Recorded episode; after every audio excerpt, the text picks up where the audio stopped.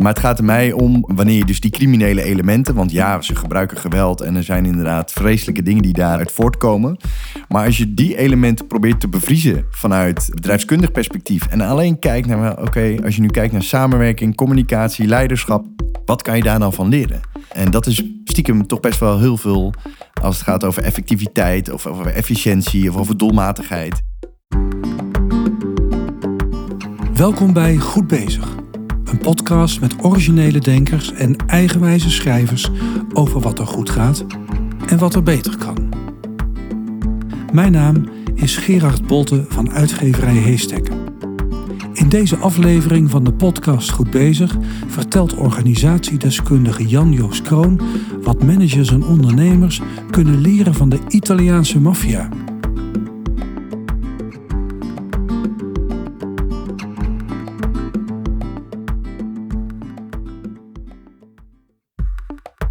Jan-Joost Kroon leest ook managementliteratuur. Maar eigenlijk kijkt hij liever een spannende maffiafilm of leest hij een boek over de Italiaanse maffia. Hij is namelijk gefascineerd door de manier waarop deze bijzondere organisaties functioneren. Hij schreef er zelfs een boek over, van capo tot CEO. En daarin pleit hij er niet voor dat we voortaan bewapend in onze leaseauto moeten stappen, maar hij vindt wel dat we het nodige van de maffia kunnen leren.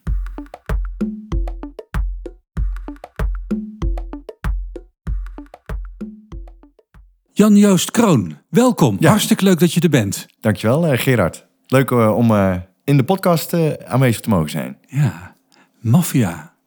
Ja. Jij bent organisatieadviseur. Ja, Waar komt in hemelsnaam? Dat lijkt me zo'n net beroep. Waar komt dan die fascinatie voor de maffia vandaan? Ja, ja nee, inderdaad. In het dagelijks leven ben ik organisatieadviseur. Eh, en dat is over het algemeen inderdaad ook wel echt wel een net beroep hoor. Maar, ehm, Wat voor soort werk doe je dan als... eh, Nou, ik begeleid eh, bedrijven in verander- en ontwikkeltrajecten. Dus als ze nou willen gro- groeien of kleiner willen worden... en ze zijn op zoek naar structuur en samenwerking... en wat meer vastigheden in de taken en verantwoordelijkheden... bevoegdheden, dan, dan help, ik, help ik ze daarbij. ja, dat, dat klinkt echt heel netjes. Ja, maar dat is het over het algemeen ook wel hoor. Je probeert het zo goed mogelijk natuurlijk te doen voor die klanten. En dat doe je onbewapend. Meestal onbewapend, ja. ja ik, heb, eh, ik heb wel altijd mijn laptop en een pen bij me, maar eh, dat is eigenlijk het enige eh, materiaal wat ik altijd met me meeneem. Ja, en die, en die, en die fascinatie voor de maffia, die is eigenlijk geboren, denk ik, al ruim, ruim 20 jaar geleden.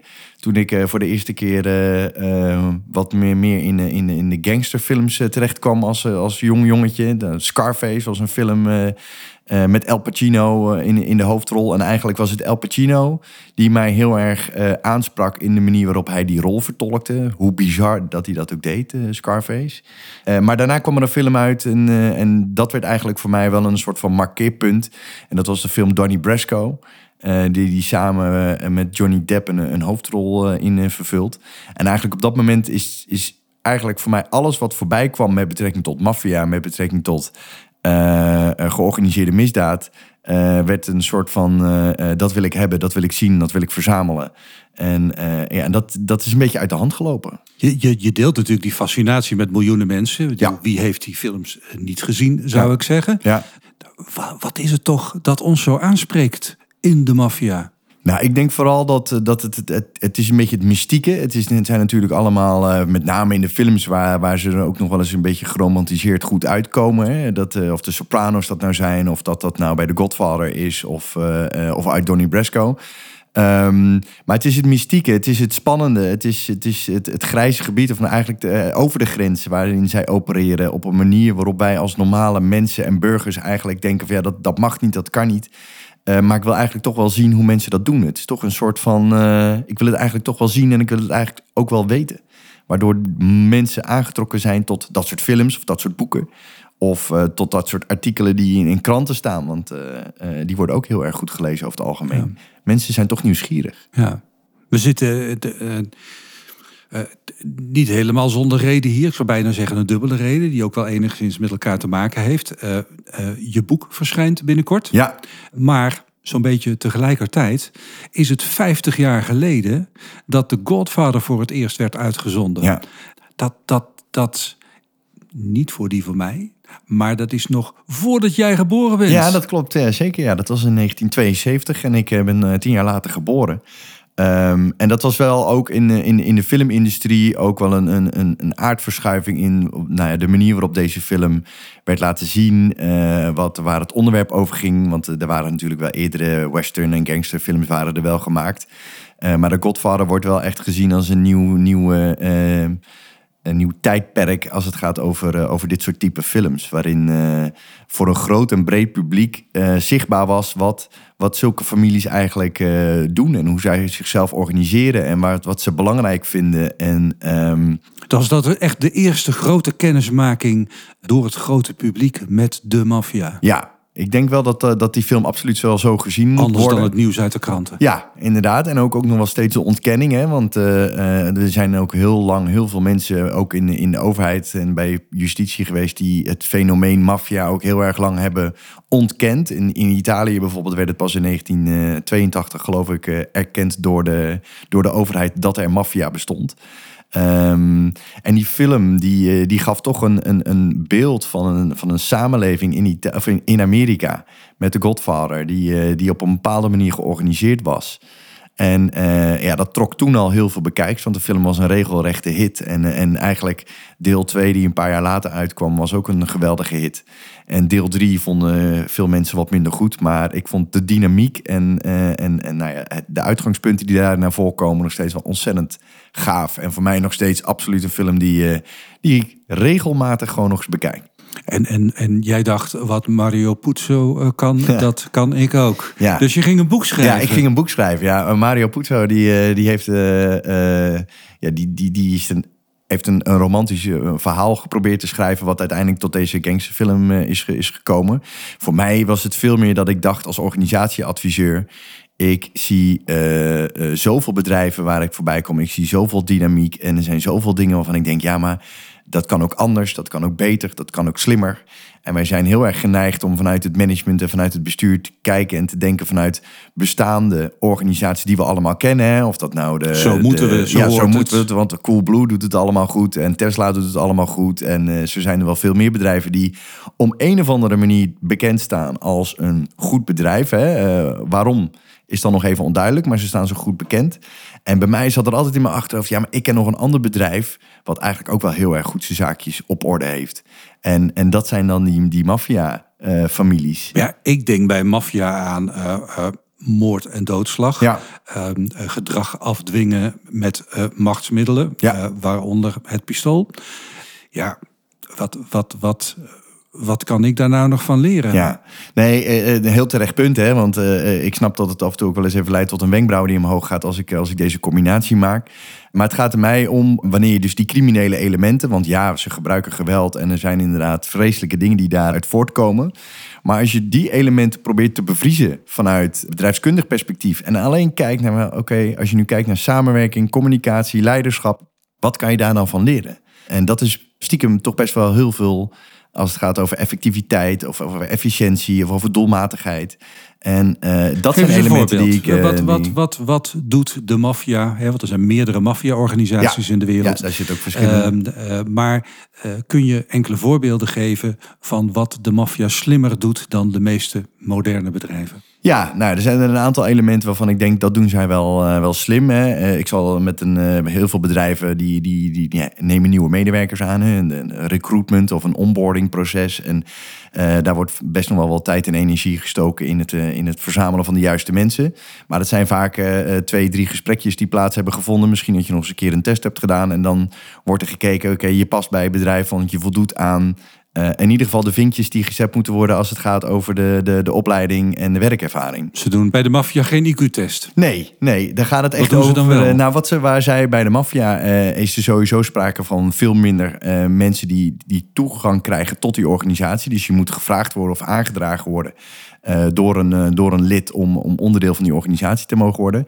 Maar zij kiezen er dan vervolgens voor om zo iemand een soort van aspirantenperiode, of zeg maar een, een periode met een uh, zonder vast contract aan te bieden om te kijken wat, wat kan die persoon eigenlijk en past die bij het bedrijf? En uh, ze laten hem in die tussentijd allerlei eh, dingen doen om te laten zien dat hij dus van toegevoegde waarde heeft, eh, is. Of dat hij bepaalde vaardigheden heeft die anderen niet hebben.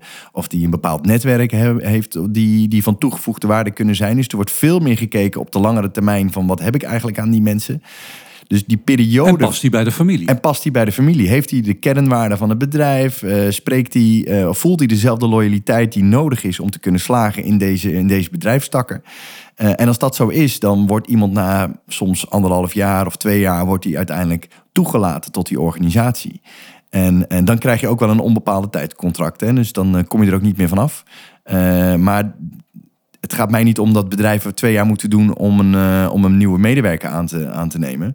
Maar eh, de- er wordt wel eens soms wat te vluchtig gekeken naar van die past wel op basis van cv. Ja. Terwijl het nog over veel meer dingen gaat dan alleen maar dat. En, en, en- Je noemde al, al kernwaarden. Eh, de maffia hecht meer waarde aan kernwaarden dan het gemiddelde bedrijf in Nederland doet. Nou, dat, dat vind ik wel. Eh, de kernwaarden van de maffia hebben alles te maken met, eh, met loyaliteit en met, eh, met eer en respect wat ze, wat ze voor elkaar moeten hebben. En ik merk aan heel veel organisaties dat zij kernwaarden inzetten als marketinginstrumenten. Ehm, eh, omdat dat dan even goed backt, of het past goed in de slogan, of de aandeelhouders willen het graag horen, of de klant wil het graag, die, die is daar gevoelig voor. Terwijl kernwaarden, die zitten, het zijn niet van iets in de kern. En de kern zit van binnen en die zit er al vanaf het begin. Ehm, althans, is mijn, eh, mijn perspectief. En ehm, dus als organisaties nu zeggen, ja, we zijn onze kernwaarden aan het herijken, of we zijn op zoek naar nieuwe kernwaarden, dan gaan bij mij heel veel vraagtekens boven mijn hoofd verschijnen waarvan ik denk, ja, maar dat kan helemaal niet. Je kunt je kernwaarden niet veranderen, want dan kun je net zo goed een nieuwe naam op de voordeur schroeven. Want je ook een ander bedrijf geworden, wat mij betreft. Ja, ja. Ehm, je hebt het over de introductie van nieuwkomers in de organisatie. En, eh, hoe bereik je dan de top? Dat, dat gebeurt bij de maffia eh, op eh, niet zelden brute wijze voor de doorzetters. Ja. Hoe word je een wise guy of de godfather Ja. zelf? Nou ja, kijk, je kunt. eh, ehm, de organisatie wordt, is relatief simpel ingericht. Dus er zijn een aantal lagen waar je, waar je toe kunt behoren. En er zijn een aantal lagen waar je door, door kunt groeien. En dat doe je net als in een normaal bedrijf. Is gewoon heel erg goed je best doen. En laten zien dat jij net wat beter bent dan je collega. Om eventueel, als er een mogelijkheid voor een promotie komt. Om dat dan ook te kunnen doen. En die stap ook te kunnen maken. Eh, en dat binnen, binnen die, eh, die maffia-families wordt er ook echt alleen maar gekeken naar... oké, eh, de geschikte man op de geschikte plek. En, ehm, en, en ja, dat is net zo goed ellebogenwerk als denk ik in een ander bedrijf... waarbij je allebei wil, wil, een promotie wil maken. Alleen het aantal plekjes in de organisatie is heel erg beperkt. Er zijn een aantal managers en er is eigenlijk één baas. En de kans dat je eh, ooit de, de godfather wordt... of de, de, de, de capo di tutti capi bijvoorbeeld... ja, die is voor heel weinigen maar weg, weggelegd. En daarin zit vaak ook wel een bepaalde vorm van afkomst of, of, of nou ja, lengte van, eh, eh, van eh, je dienstverband, noem ik het maar eventjes. Want senioriteit en ervaring zijn ontzettend belangrijk om ook daadwerkelijk door te kunnen stromen in die organisatie. Want het gaat om je competenties, maar je moet ook wel wat wapenfeiten hebben laten zien in de organisatie, dat je ook wel geschikt bent om door te kunnen groeien. Ik vond het eh, fascinerend in je boek om ook te lezen dat hun vorm, wijze van communiceren ook heel anders is Ja. dan Ja. eh, in de voor ons bekende organisaties. Ja. Kun je dat uitleggen? Nou ja, kijk, ik, ik weet niet hoe dat bij jullie is, eh, Gerard. Maar bij ons, eh, ik krijg regelmatig per dag eh, 50, 60 mailtjes... waarin ik ongeveer in de helft van de tijd in de CC sta. Waarvan ik eigenlijk niet zo goed weet van... ja, wat moet ik nou met die mailtjes aan? Eh, de maffia, en het bekendste voorbeeld is eigenlijk de manier waarop een, eh, een, eh, een Siciliaanse maffiabaas zijn organisatie bestuurde. Dat was Bernardo Provenzano en hij leidde zijn organisatie door het, eh, het, het verstrekken van pizzini's. En pizzini's, dat zijn kleine briefjes met een korte boodschap. En, en die werden vervolgens, eh, die typte hij op zijn ouderwetse Olivetti eh, typemachine in een herdershutje. En dat ging dan over de, dat, dat, dat stelde hij een vraag aan iemand, of hij gaf een opdracht, of hij deed een suggestie, of hij probeerde een, een discussie op gang te brengen. En vervolgens werden die briefjes op, via een netwerk van couriers, werden die dan bij de persoon gebracht. En die las dan het briefje, en de Pizzini, in dit geval, of de Pizzino, en die moest dan het briefje daarna ook verbranden. En zorgen dat wel Provenzano eh, antwoord kreeg. En dat, dat kon dan of via die courier of schreef hij een briefje terug. Maar op die manier stuurde hij zijn organisatie de- dus aan. Dus er was bijna geen één op één contact. Uh, Provenzano, zijn bijnaam was ook het fantoom van Corleone. Dat betekent dat hij ook gewoon jarenlang niet gezien is. Hij was voor heel veel mensen echt daadwerkelijk ook onbekend en hadden mensen ook geen idee hoe hij eruit zag. Ja, dit zegt natuurlijk ook heel veel over de, de, de gehoorzaamheid van iedereen in die, piramide, in die piramide, in die organisatie. Is dat dan ook wat je moderne organisaties zou aanraden om datzelfde respect te tonen voor iedereen die boven je staat? Ja en amen zeggen. Nou ja, kijk, ja en amen zeggen, dat, is, uh, dat A, past in Nederland sowieso niet in de cultuur die, die wij hier hebben. En dat zie je in, in Duitsland of in Zuid-Europa veel meer. Dat je als, als leidinggevende eigenlijk gewoon ook sneller geneigd bent om een opdracht te geven. En, en, en niet in discussie te gaan met, uh, met, je, met je medewerkers over waarom dat je dat doet. Maar zeg je dan toch, dat doen we hier wat te veel? ik vind dat we in Nederland wel veel te veel in gesprek gaan over, uh, over wat de koers van de organisatie of de, de keuze die een manager maakt. Ik vind het heel erg belangrijk dat mensen uh, op basis van hun toegevoegde waarde, hun ervaring, een keuze maken. En dat die keuze dan ook daadwerkelijk ook uitgevoerd gaat worden. Want je ziet zelf ook te vaak gebeuren dat, dat, dat plannen ja, niet uitgevoerd nou ja, worden in ieder geval, te laat. Doordat... dat, er, dat er best goede plannen liggen. En dat er dan vervolgens gezegd wordt... ja, maar ik vind het toch wel even belangrijk dat die en die en die er ook nog even naar kijkt. Terwijl mijn vraag dan altijd is... ja, is er een kerncompetentie dan om hier ook iets van te vinden? Ja of nee? En op het moment dat het, het antwoord nee is... dan vind ik dat er alweer sneller wat water bij de wijn gedaan moet gaan worden... om het plan ook te maken dat die persoon er dan ook maar mee eens is. Terwijl dat dan wat mij betreft vaak ten koste gaat van het oorspronkelijke uitgangspunt. Uh, en dat was misschien wel de beste oplossing. En binnen de maffia kiezen ze altijd voor de beste oplossing. Um, en ik zie toch bij heel veel bedrijven dat de beste oplossing uh, vaak niet de meest populaire oplossing is. En dan naar een alternatief gekeken wordt. En dat, daar heb ik wel mijn bedenkingen bij. En dat vind ik ook een, uh, een, verkeerde, een verkeerde route managers, bestuurders zouden vaker knopen moeten doorhakken. Ja, absoluut. Ja, ik vind het prima als zij informatie vragen in hun omgeving. Om meningen te, uh, te horen en misschien ook hun eigen mening daardoor ook vorm te geven. Maar een manager of een directeur of een CEO is aangesteld om, om, om leiding te geven en richting te bepalen.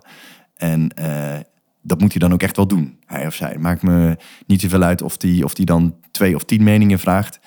Maar hij of zij neemt de beslissing en daar gaan we ook mee verder. Wat kunnen we nog meer leren van de maffia? Nou, ook wel een beetje in hetzelfde, uh, in het verlengde hiervan, is bijvoorbeeld ook de, de, het geven van, van, van transparantie, of het bieden van transparantie. Is ook iets wat heel erg veel geroepen wordt in, in Den Haag. Van we moeten alles transparant, het moet allemaal duidelijk zijn, welke beslissingen er genomen worden en waarom. Ja, de vraag is of iedereen ook met al die informatie die ze krijgen ook altijd wel even goed overweg kunnen. Binnen de maffia is degene die de opdrachten uitdeelt, dus de managers, in dit geval de capo's, geven hun soldaten een, eh, een, eh, een, een opdracht, de doorlooptijd en het gewenste resultaat. En op het moment dat ze dat weten, dan uh, kunnen ze zelf aan de slag. En dan zijn ze zelf, dan zijn die, die, die medewerkers ook vakvolwassen genoeg, zo noem ik dat graag, uh, om die werkzaamheden ook goed uit te kunnen voeren.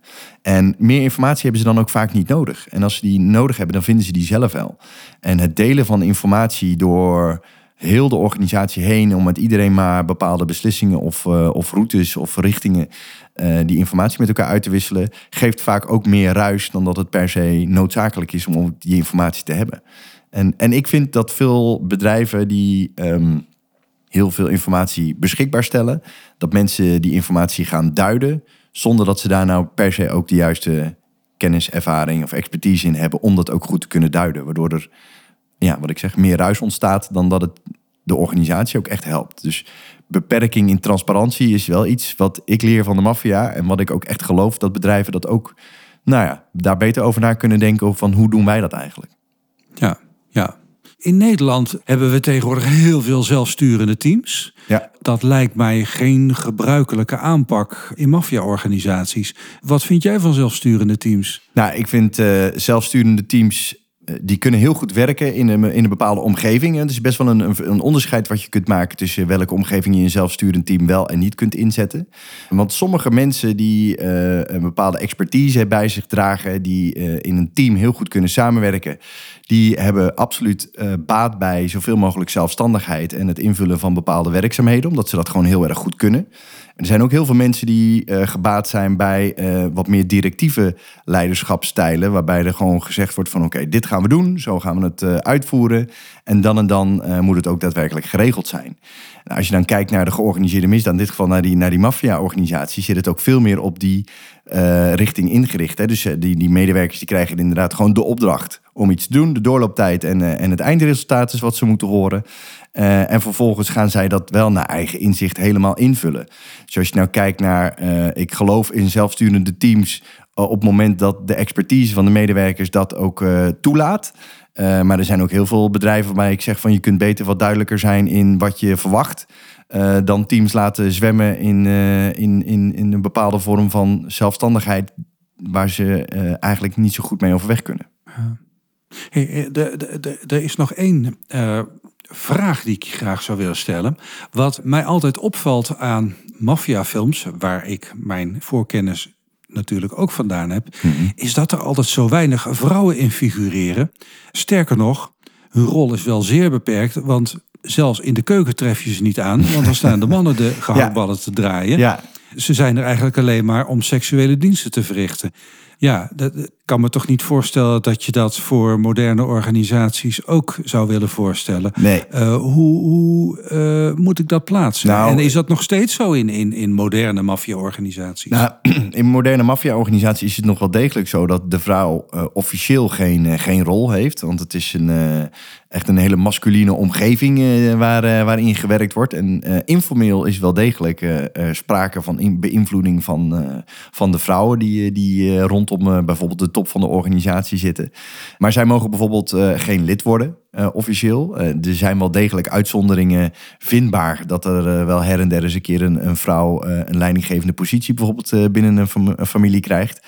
Maar de vrouw is er oorspronkelijk en traditioneel, en heel traditioneel zijn ze over het algemeen in deze organisaties. A, inderdaad om een gezin te stichten, waarbij en dat is dan wel een hele belangrijke aanvulling. De kinderen wel opgevoed worden in de traditie van zoals de man het wil. De man die, die is lid van een, van een maffiafamilie. En nou, die, die, die hebben bepaalde uh, mores en een bepaalde manier van leven en denken. En de man vertrouwt de vrouw dan toe dat hij de, of zij de kinderen opvoedt ook in die traditie. Dus... Het heeft dus het heeft voordelen voor de cultuur. Ja, want die blijft op die manier uh, heel, heel goed geborgd. En dat vinden ze ook heel erg belangrijk. Dat zeg maar de, de, de, de cultuur en de, de, de, de, de kernwaarden van waar de organisatie voor staat of waar de familie voor staat, dat die ook geborgd blijven. En dat doen ze wel heel erg intensief. Want het zijn uh, families die heel erg met elkaar optrekken. Die echt in hun eigen wereld leven. Dus de, de vrouwen van de leden, die, die, die, ja, dat is ook een eigen netwerkje op zichzelf.